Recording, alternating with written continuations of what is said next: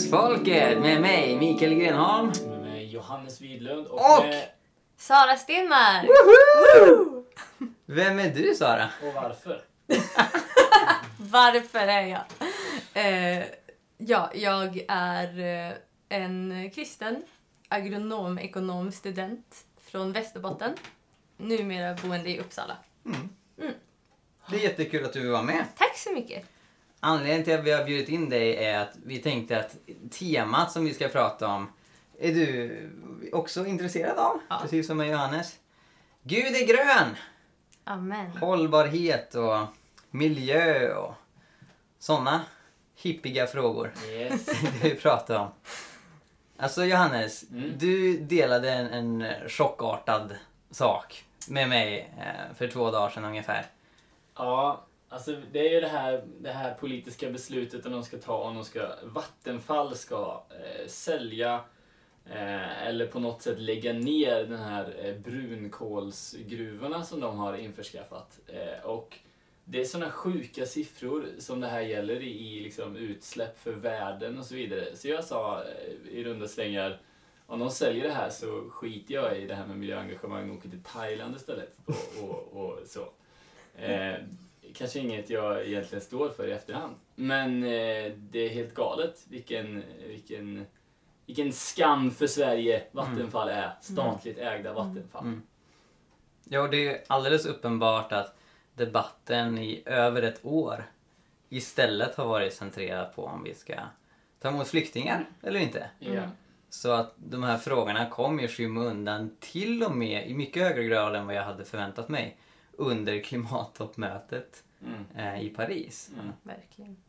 Jag har ju en tes om att det här beslutet är kanske det tyngsta och, och eh, potentiellt mest ödesdigra beslutet som Sverige har tagit sen de beslutade om att gå med slash inte gå med i andra världskriget militärt. Eh, men vi förstår inte riktigt det. Eh, alltså det handlar om så mycket utsläpp. Eh, liksom miljarder ton koldioxidutsläpp eh, kring de här gruvorna.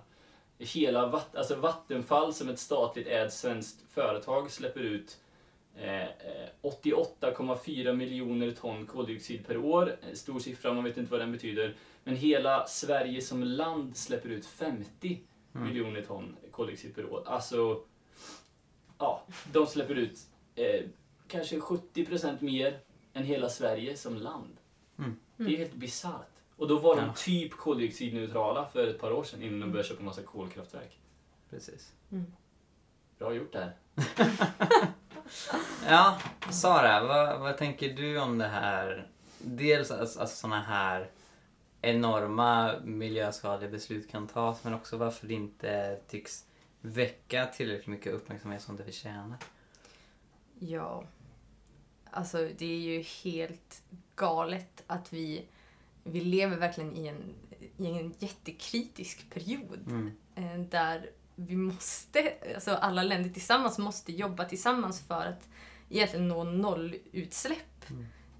till år 2080. Om vi ska kunna vända den här trenden och, och kunna nå ett hyfsat rimligt mål på ungefär 3 graders ökning eh, i temperaturen på jorden.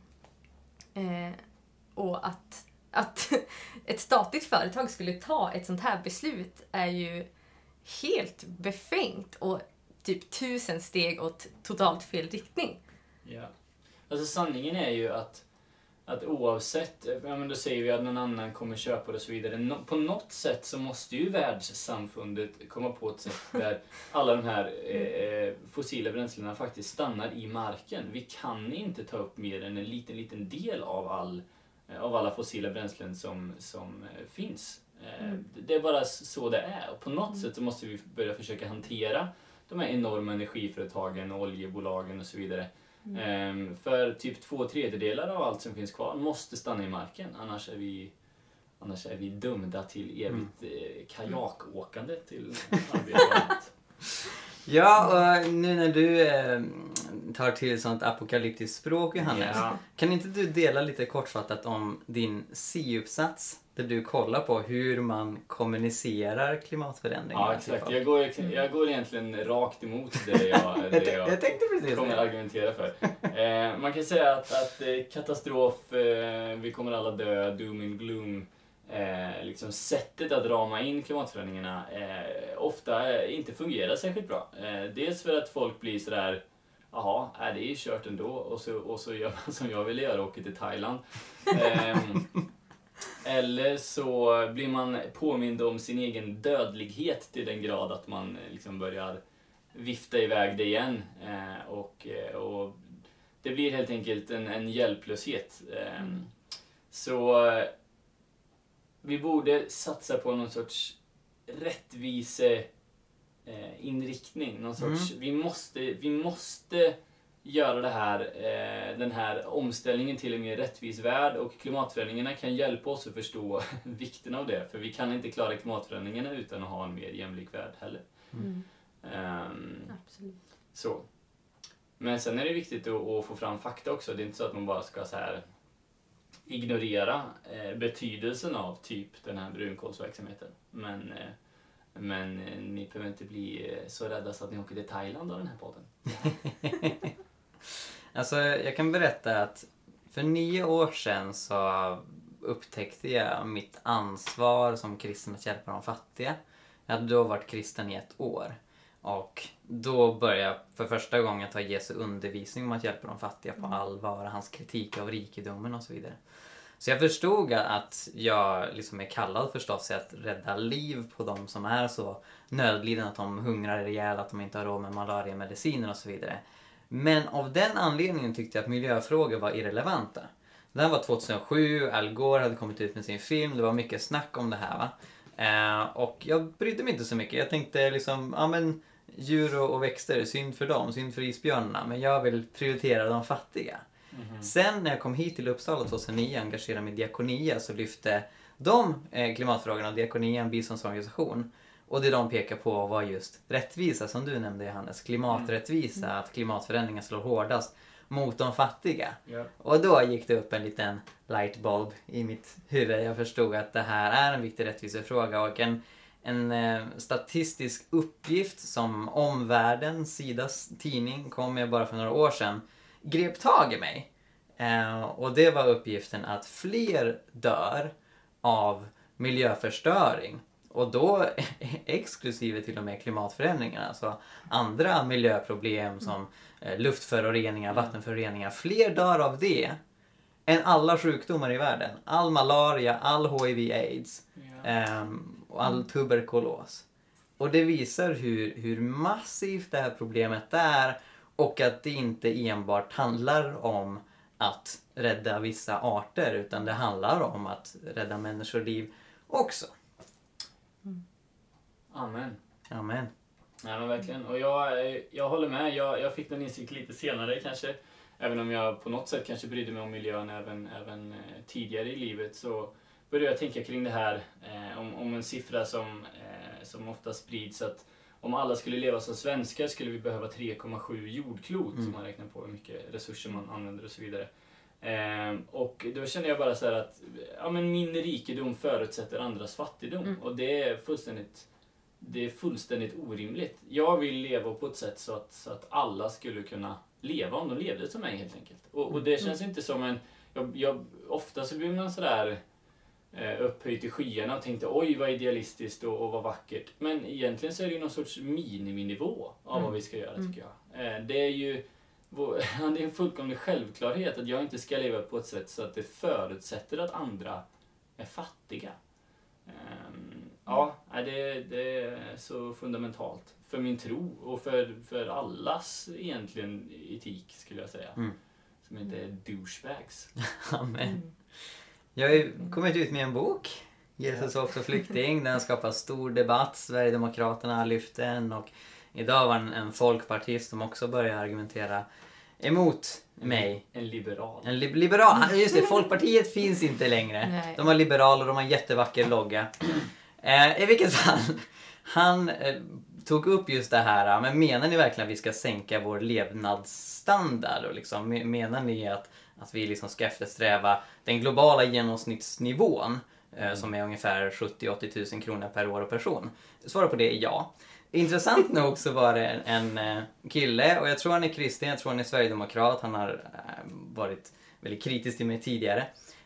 Han lyfte just det här att, att han då tycker att vi ska begränsa invandringen, vi, vi ska inte ta emot flyktingar för att värna om vår rikedom. Anledningen var, han sa han, att frikyrkofamiljer vill ju resa till fjällen en gång per år och resa utomlands en gång per år. Och bara, bara titta, sa han, på, på de kristna konferenserna, titta på parkeringen så ser du vilken eh, socioekonomisk eh, bakgrund eh, frikyrkokristna har. Vilket han har rätt i, men det intressanta är att han utmålar det som någonting bra när vi som kristna som följer en hemlös snickare från Nasaret borde betrakta det som någonting sjukt. Och det för oss in Sara på varför kristna ska engagera sig för miljön. Ja, typ på grund av det allt vi precis har sagt. Alltså, för mig personligen så handlar det jättemycket om kärleken till nästan. Mm. Alltså att min nästa, i en, i en global värld eh, som vi lever i idag, så är inte min nästa bara mina grannar eller de i samma stad. Utan eftersom att mitt liv också påverkar människor på andra sidan jorden så är de också min nästa. Eh, och min kärlek måste även sträcka mig till dem. Och Ja, men jag ska älska dem precis lika mycket som mig själv och hur jag gör det i praktiken måste resultera i ett miljöengagemang eh, och ett engagemang för mänskliga rättigheter och så vidare. Verkligen. Det tycker jag är, det är ju bottom line, det är ju det, är ju det allra viktigaste. Fundamentet för kristet Mm. klimatengagemang eller miljöengagemang. Men jag tycker det finns andra grejer. Alltså, eh, skapelsen har ju ett värde i sig självt. det är gott. absolut. Eh, och det är någonting som vi ska ta hand om, som vi är befallda att ta hand om. Eh, och också den här tanken om att, att, att Gud skulle ha gett oss en, en livsplan genom sitt ord och genom, eh, ja, men genom eh, uppenbarelser som inte är hållbart för planeten. Det känns för mig väldigt, väldigt främmande. Att vi skulle liksom ha fått instruktioner från Gud som, eh, som eh, helt enkelt gör att vi håller på att förstöra hela jorden och göra den obeboelig. Mm. Det, det går ju inte ihop. Nej.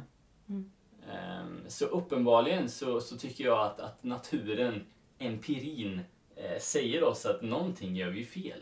Mm. Eh, Mm. Någonting eh, i vår livsstil är inte i linje med vad Jesus har befallt oss att leva som. Ja, nej, men eh, intressant nog så redan på Bibelns tid när vi var långt ifrån den globala miljöförstöring som vi ser idag så betonas enkelhet och återhållsamhet, förnöjsamhet eh, i den nytestamentliga undervisningen.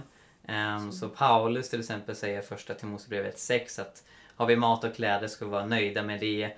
De som vill bli rika sätter sig i fördärvet. Eh, kärlek till pengar är en rot till allt ont och så vidare.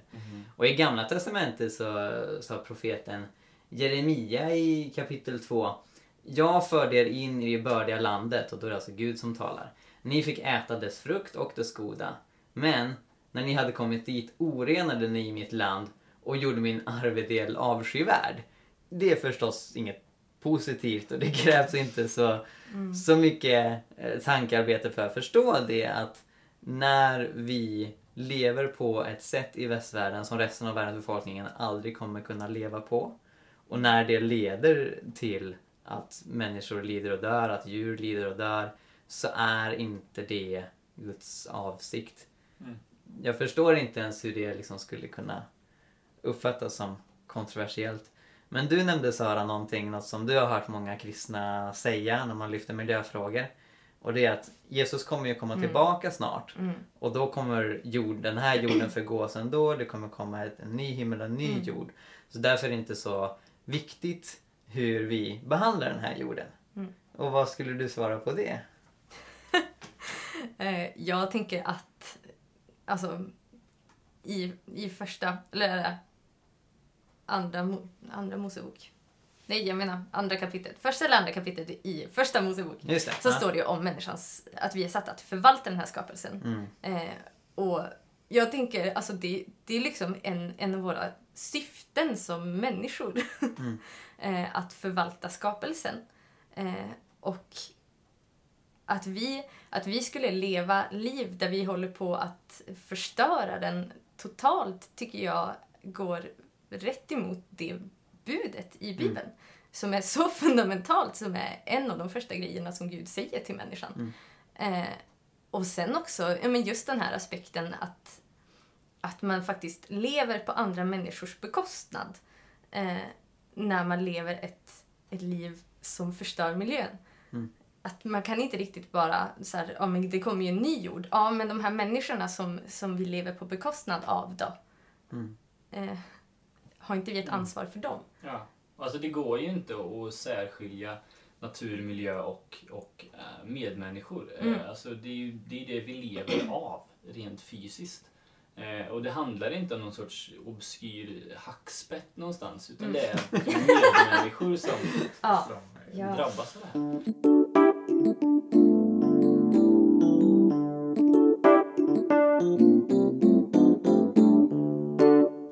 Jag tycker det är ett väldigt bra sätt att, bemöta den här idén att vi behöver inte bevara jorden förrän den då förgås. Det är att fråga personen som yttrar detta om de borstar tänderna. Eller hur? För ens tänder kommer också förgås. Och liksom, duschar du? Eller sådär. Så alla värnar vi ju oss om vår närmaste miljö. Och det finns ju en stark egoism och girighet i att inte vilja ta hänsyn till andras miljö. Eh, och inte vilja se att det här är något som påverkar människor här och nu. Eh, jag träffade en av Diakonias samarbetspartners, en kille från Bangladesh som eh, har ett jättelångt bengaliskt namn men vi kallar honom för Doha. Eh, så, så Doha förklarade för eh, oss och för Åsa Romson som jag då hade eh, privilegiet att få träffa tillsammans med Doha som representant från Diakonia. Eh, hans poäng var just det att folk dör redan av klimatförändringarna. Eh, Folk lider redan av klimatförändringarna. Ni ser det som ett framtidsproblem och jag i Sverige är det ett framtidsproblem. I Bangladesh är det ett nutidsproblem. Ehm, så, så därmed så behöver vi förstås agera snabbt men vi behöver också inse att det här är någonting som människor redan idag lider och drabbas av. Verkligen. Ska vi prata lite om tillväxt? Mm. Vad tycker du om tillväxt Sara? Dåligt. Är det dåligt? Varför då? Eh, nej men jag... Tillväxt i, i västvärlden innebär inte tillväxt i resten av världen som är i behov av tillväxt. För oss blir det någonstans bara ett, en så här statussymbol att bara kolla vad vi har gått upp i BNP i år. Medan för resten av världen så kanske det handlar om att kolla, inte lika många svälter. Eh, ja.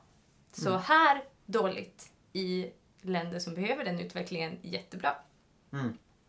Och jag såg senast i, för några dagar sedan en studie som kom från Lunds universitet som just highlightade det här att eh, ja, men, eh, tillväxt är ju teoretiskt sett innebär det ju inte en sämre miljö. Alltså vi kan ju på något sätt konsumera mer och mer av typ luft eller, eller något, jag vet inte vad man ska konsumera riktigt. men- Tjänster? tjänster och så vidare. Men i praktiken så finns det ingen bevis för att vi faktiskt lyckas. Och då säger ni kanske, jo men Sverige, vi har ju minskat våra utsläpp eh, men, eh, men ökat vår, eh, vår BNP. Men det stämmer inte riktigt för om man tittar på utsläpp orsakade av svenskar så fortsätter vi att öka. Och dessutom så är ju majoritetsvärlden inte i närheten av vår välståndsnivå och de vill ju antagligen komma dit för vi har ju satt någon sorts eh, omöjlig norm. Eh, vi är 7 miljarder nu och vi kommer antagligen bli ungefär 10 miljarder. Eh, det, är liksom inte, det är ett pussel som inte går ihop om vi alla ska konsumera mer saker. Det, man, vi kan inte få ihop det. Precis, Tim Jackson som är en ganska känd tillväxtkritiker, han för ju exakt samma resonemang att det inte finns några empiriska bevis än så länge för en, en tillväxt som inte ökar um, ja, men naturresursförbrukning och, och så vidare. Så även om man kan se många gånger att ehm, man effektiviserar så man kan använda färre naturresurser för att skapa samma produkt och liksom det som en iPhone kan göra en dag kunde NASAs datorer inte göra för 50 år sedan.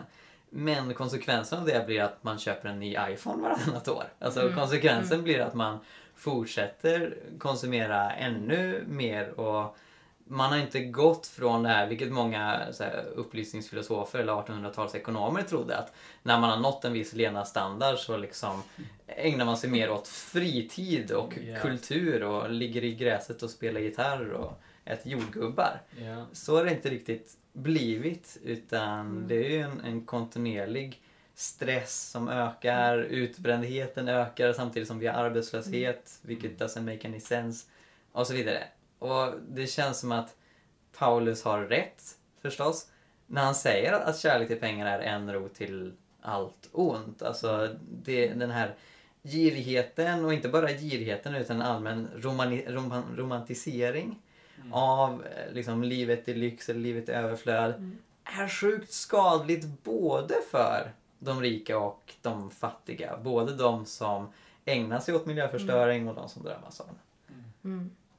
Och sen också att våran tillväxt någonstans förutsätter exploatering. Mm. Både av naturen och miljön och av människor. Eh, och det är ju helt förkastligt. Ja. ja, jag poängterade det häromdagen på, på Twitter. Och då sa eh, min, min motdebattör att jag var marxist.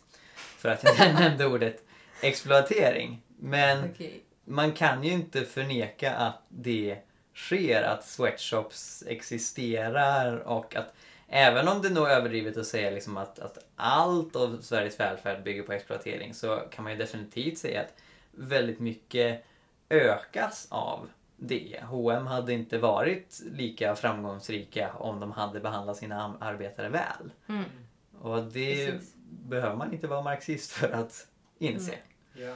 Men sen måste jag ju också eh, säga då någon sorts lite mer pragmatisk poäng att absolut, jag tror inte att vi kan få ihop 10 miljarder människor som alla vill öka ekonomiskt och speciellt inte i den rika världen. Eh, men det betyder ju inte att det är omöjligt att faktiskt komma någonstans i det rådande systemet. Eh, så. Även om jag inte tror att vi någonsin kommer nå hållbarhet eller, eller någon sorts koldioxidneutralitet som du pratade om innan Sara. Eh, Men det är också en fara i att, att ge upp bara för att vi har ett system som inte kanske kommer ta oss hela vägen. Eh, Vi ser ju ändå en hel del positiv utveckling på många del, i många delar av världen eh, där till exempel solcellsenergi är Mm. billigare i Sydafrika än att elda fossilbränslen och där de globala utsläppen ändå har liksom börjat minska eller, eller hyfsat nära att stanna av. Sen så måste de ju då som sagt ner till i princip noll och det är ju Mm. fullständigt orimligt att de kan hållas på den här nivån också. Eh, men eh, ja, det här är inte heller något argument för att vi ska sätta oss ner och vänta på något annat system. Typ. Mm. Utan mycket kan man ju också göra inom eh, ja, det, det samhälle vi har. Sara, du liksom jag har en kärlek till kommunitetsliv. Och vad är dina tankar där i relation till hållbarhet? Hur kan kommunitetsliv eh, bidra till omställningen? Både i kyrkan och i samhället i övrigt. Jag tänker att ehm, dels att hitta ett sätt att, att inte som människa definieras i första hand som, kon, som konsument. Mm. Eh, utan att komma bort från det systemet och samtidigt ha allt man behöver. Eh, jag, jag tror att, att man kanske inte känner lika stort behov av konsumtion när man lever i en fantastisk gemenskap. Mm. Eh, och jag tror också att man när man tar sig an människor, som jag tänker att är en självklarhet i Ja, en kommunitet, att ta sig an människor som har eh, andra ekonomiska förutsättningar och delar sina ekonomiska resurser med dem, så tror jag också att man tänker fler gånger innan man, innan man köper de här, går in på H&M och köper alla de här fina sakerna som man ser. Mm. Eh, och sen också, jag, jag brinner ju mycket för självhushållning och Mm. sånt. Precis, precis. Eh, också att skapa en förutsättning för att kunna leva det livet. För det är väldigt svårt att göra som alltså i en familj på fyra personer, Mm. att ha en bondgård och, och ha ett hållbart sätt att hålla, ja, att ha, eh, odla den maten Mm. som man behöver Precis. eh, för att försörja sig. Eh, och där tror jag också att kommunitetsliv verkligen är ett svar på det här behovet. Ja, när jag argumenterar för egendomsgemenskap på hela pingsten så var det en gång en person som kommenterade Nej men tänk om ens barn liksom har en jättedyr hobby och hur ska vi åka till Spanien varje år och, och fin- finns resurserna för det? Men är det lycka? Ja, dels det och dels, dels blottar det väl också för om man, om man har en, en kommunitet där man delar allting och inkluderar de riktigt fattiga, inkluderar Mm. fattiga EU-migranter, flyktingar, andra människor, Mm. hemlösa. Ehm, så ja, det kommer ju begränsa de som tidigare var rika på grund av att det ger de som tidigare var fattiga mer möjligheter. Mm. Eh, och det kan ju appliceras liksom hur vi tänker i, i stort. Att jag tycker det framgår liksom, i dagens debatt till exempel om flyktingar att de flesta är överens om att det, det krävs uppoffringar. Eh, Och skiljelinjen går om man tycker att uppoffringar är värda för att hjälpa människor i nöd eller om, om uppoffringar är oacceptabla. Ja. Och att vi, vi har rätt till vår pengabinge eh, i Sverige och den ska liksom inte inkräktas. Men jag menar att det finns ett tredje alternativ. Jag menar ju att uppoffringar, och det det är ju vad jag har märkt i mitt liv, är ganska härligt också. Amen. Eh, det jag tycker är i sådana fall det värsta med, med de uppoffringar i livsstil som jag har gjort, det är just att, att så många man umgås med inte gör de uppoffringarna. Mm. Så, att, så att man blir lite, eh, liksom, eh, Weirdo. lite weirdo och man, liksom, man får säga nej till ganska mycket saker som händer även om man skulle kunna hitta på lika mycket roliga saker som inte nödvändigtvis, nödvändigtvis kostar massa pengar eller, eller sabbar miljön. Liksom. Men på ett personligt plan, om man exkluderar den faktorn, så tycker jag det är så skönt. Alltså det är ju liksom de facto så att om man har mindre grejer så finns det mindre saker att oroa sig för. Mm. Mindre saker att ta hand om, mindre saker att, att, att, att lägga tid på som, som, som tar tid från det man eh, vi alla egentligen kanske tycker är viktigast. Relationer och, och Mm. eh, lära sig saker och, och liksom uttrycka sig eh, i sk- skrift eller musik och så vidare. Eh, så mest tycker jag det är bara en befrielse. Liksom. Amen. Det, är gött, det är gött att leva hållbart. Yeah, och det är enkelt att leva enkelt. Det är enkelt att leva enkelt. Halleluja. Ja. Eh, jag tror vi närmar oss eh, slutet. Eh, jorden går under. det är dags att, att be till Herren. Eh, men är det något, ni, något mer ni vill dela innan vi stänger av mikrofonerna?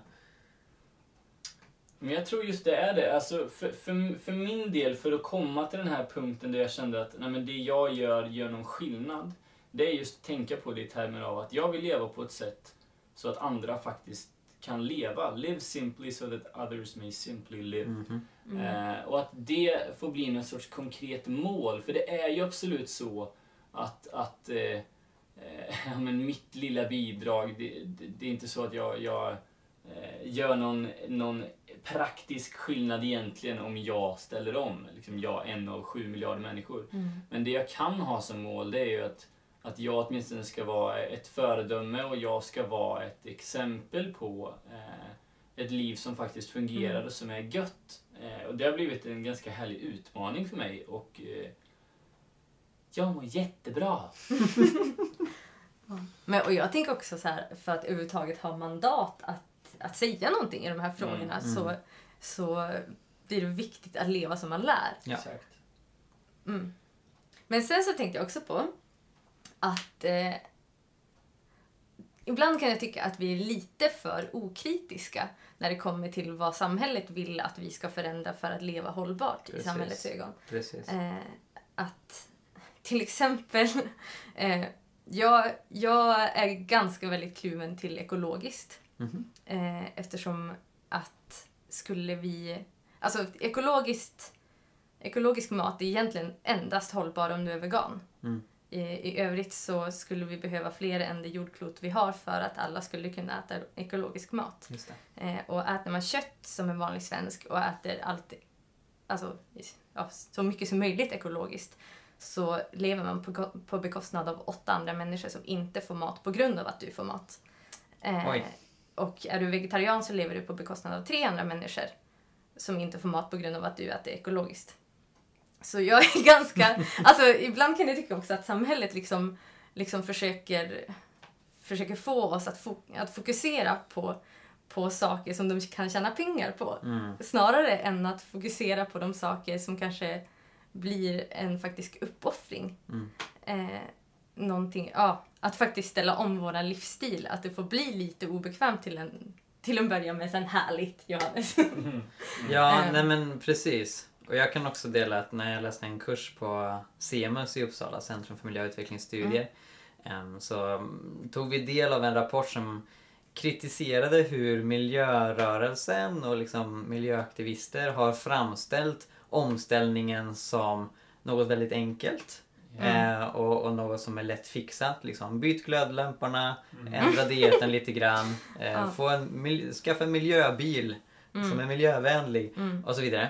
Eh, och ambitionen var förstås, eller intentionen var att man börjar med små enkla steg Mm. och därefter så börjar man prata om det mer nödvändiga som behöver göras. Liksom en, en vegansk diet och att man behöver ja, men stä- ställa om sin livsinriktning, att släppa ambitioner, att bli rik och så vidare. Mm. Men det blir, man kommer aldrig dit. Därför folk är rätt nöjda med att ha liksom gjort Mm. det här lilla och man liksom rättfärdiggör sin livsstil med att ja, men nu har jag bytt glödlamporna i vart fall. Mm. Men jag tror dit vi är på väg och dit vi behöver gå för att se en riktig omställning, det är att prata om de här mer radikala omställningarna. Och Mm. där kan kyrkan definitivt och måste liksom stå, stå i framkanten och visa Ja. vägen för det. Amen. Amen! Tack så jättemycket Sara för att du var med. Tack Johannes för att du var med. Tack Mikael. Tack så mycket. Gud välsigne er allihopa. Ha det bra. Hej då.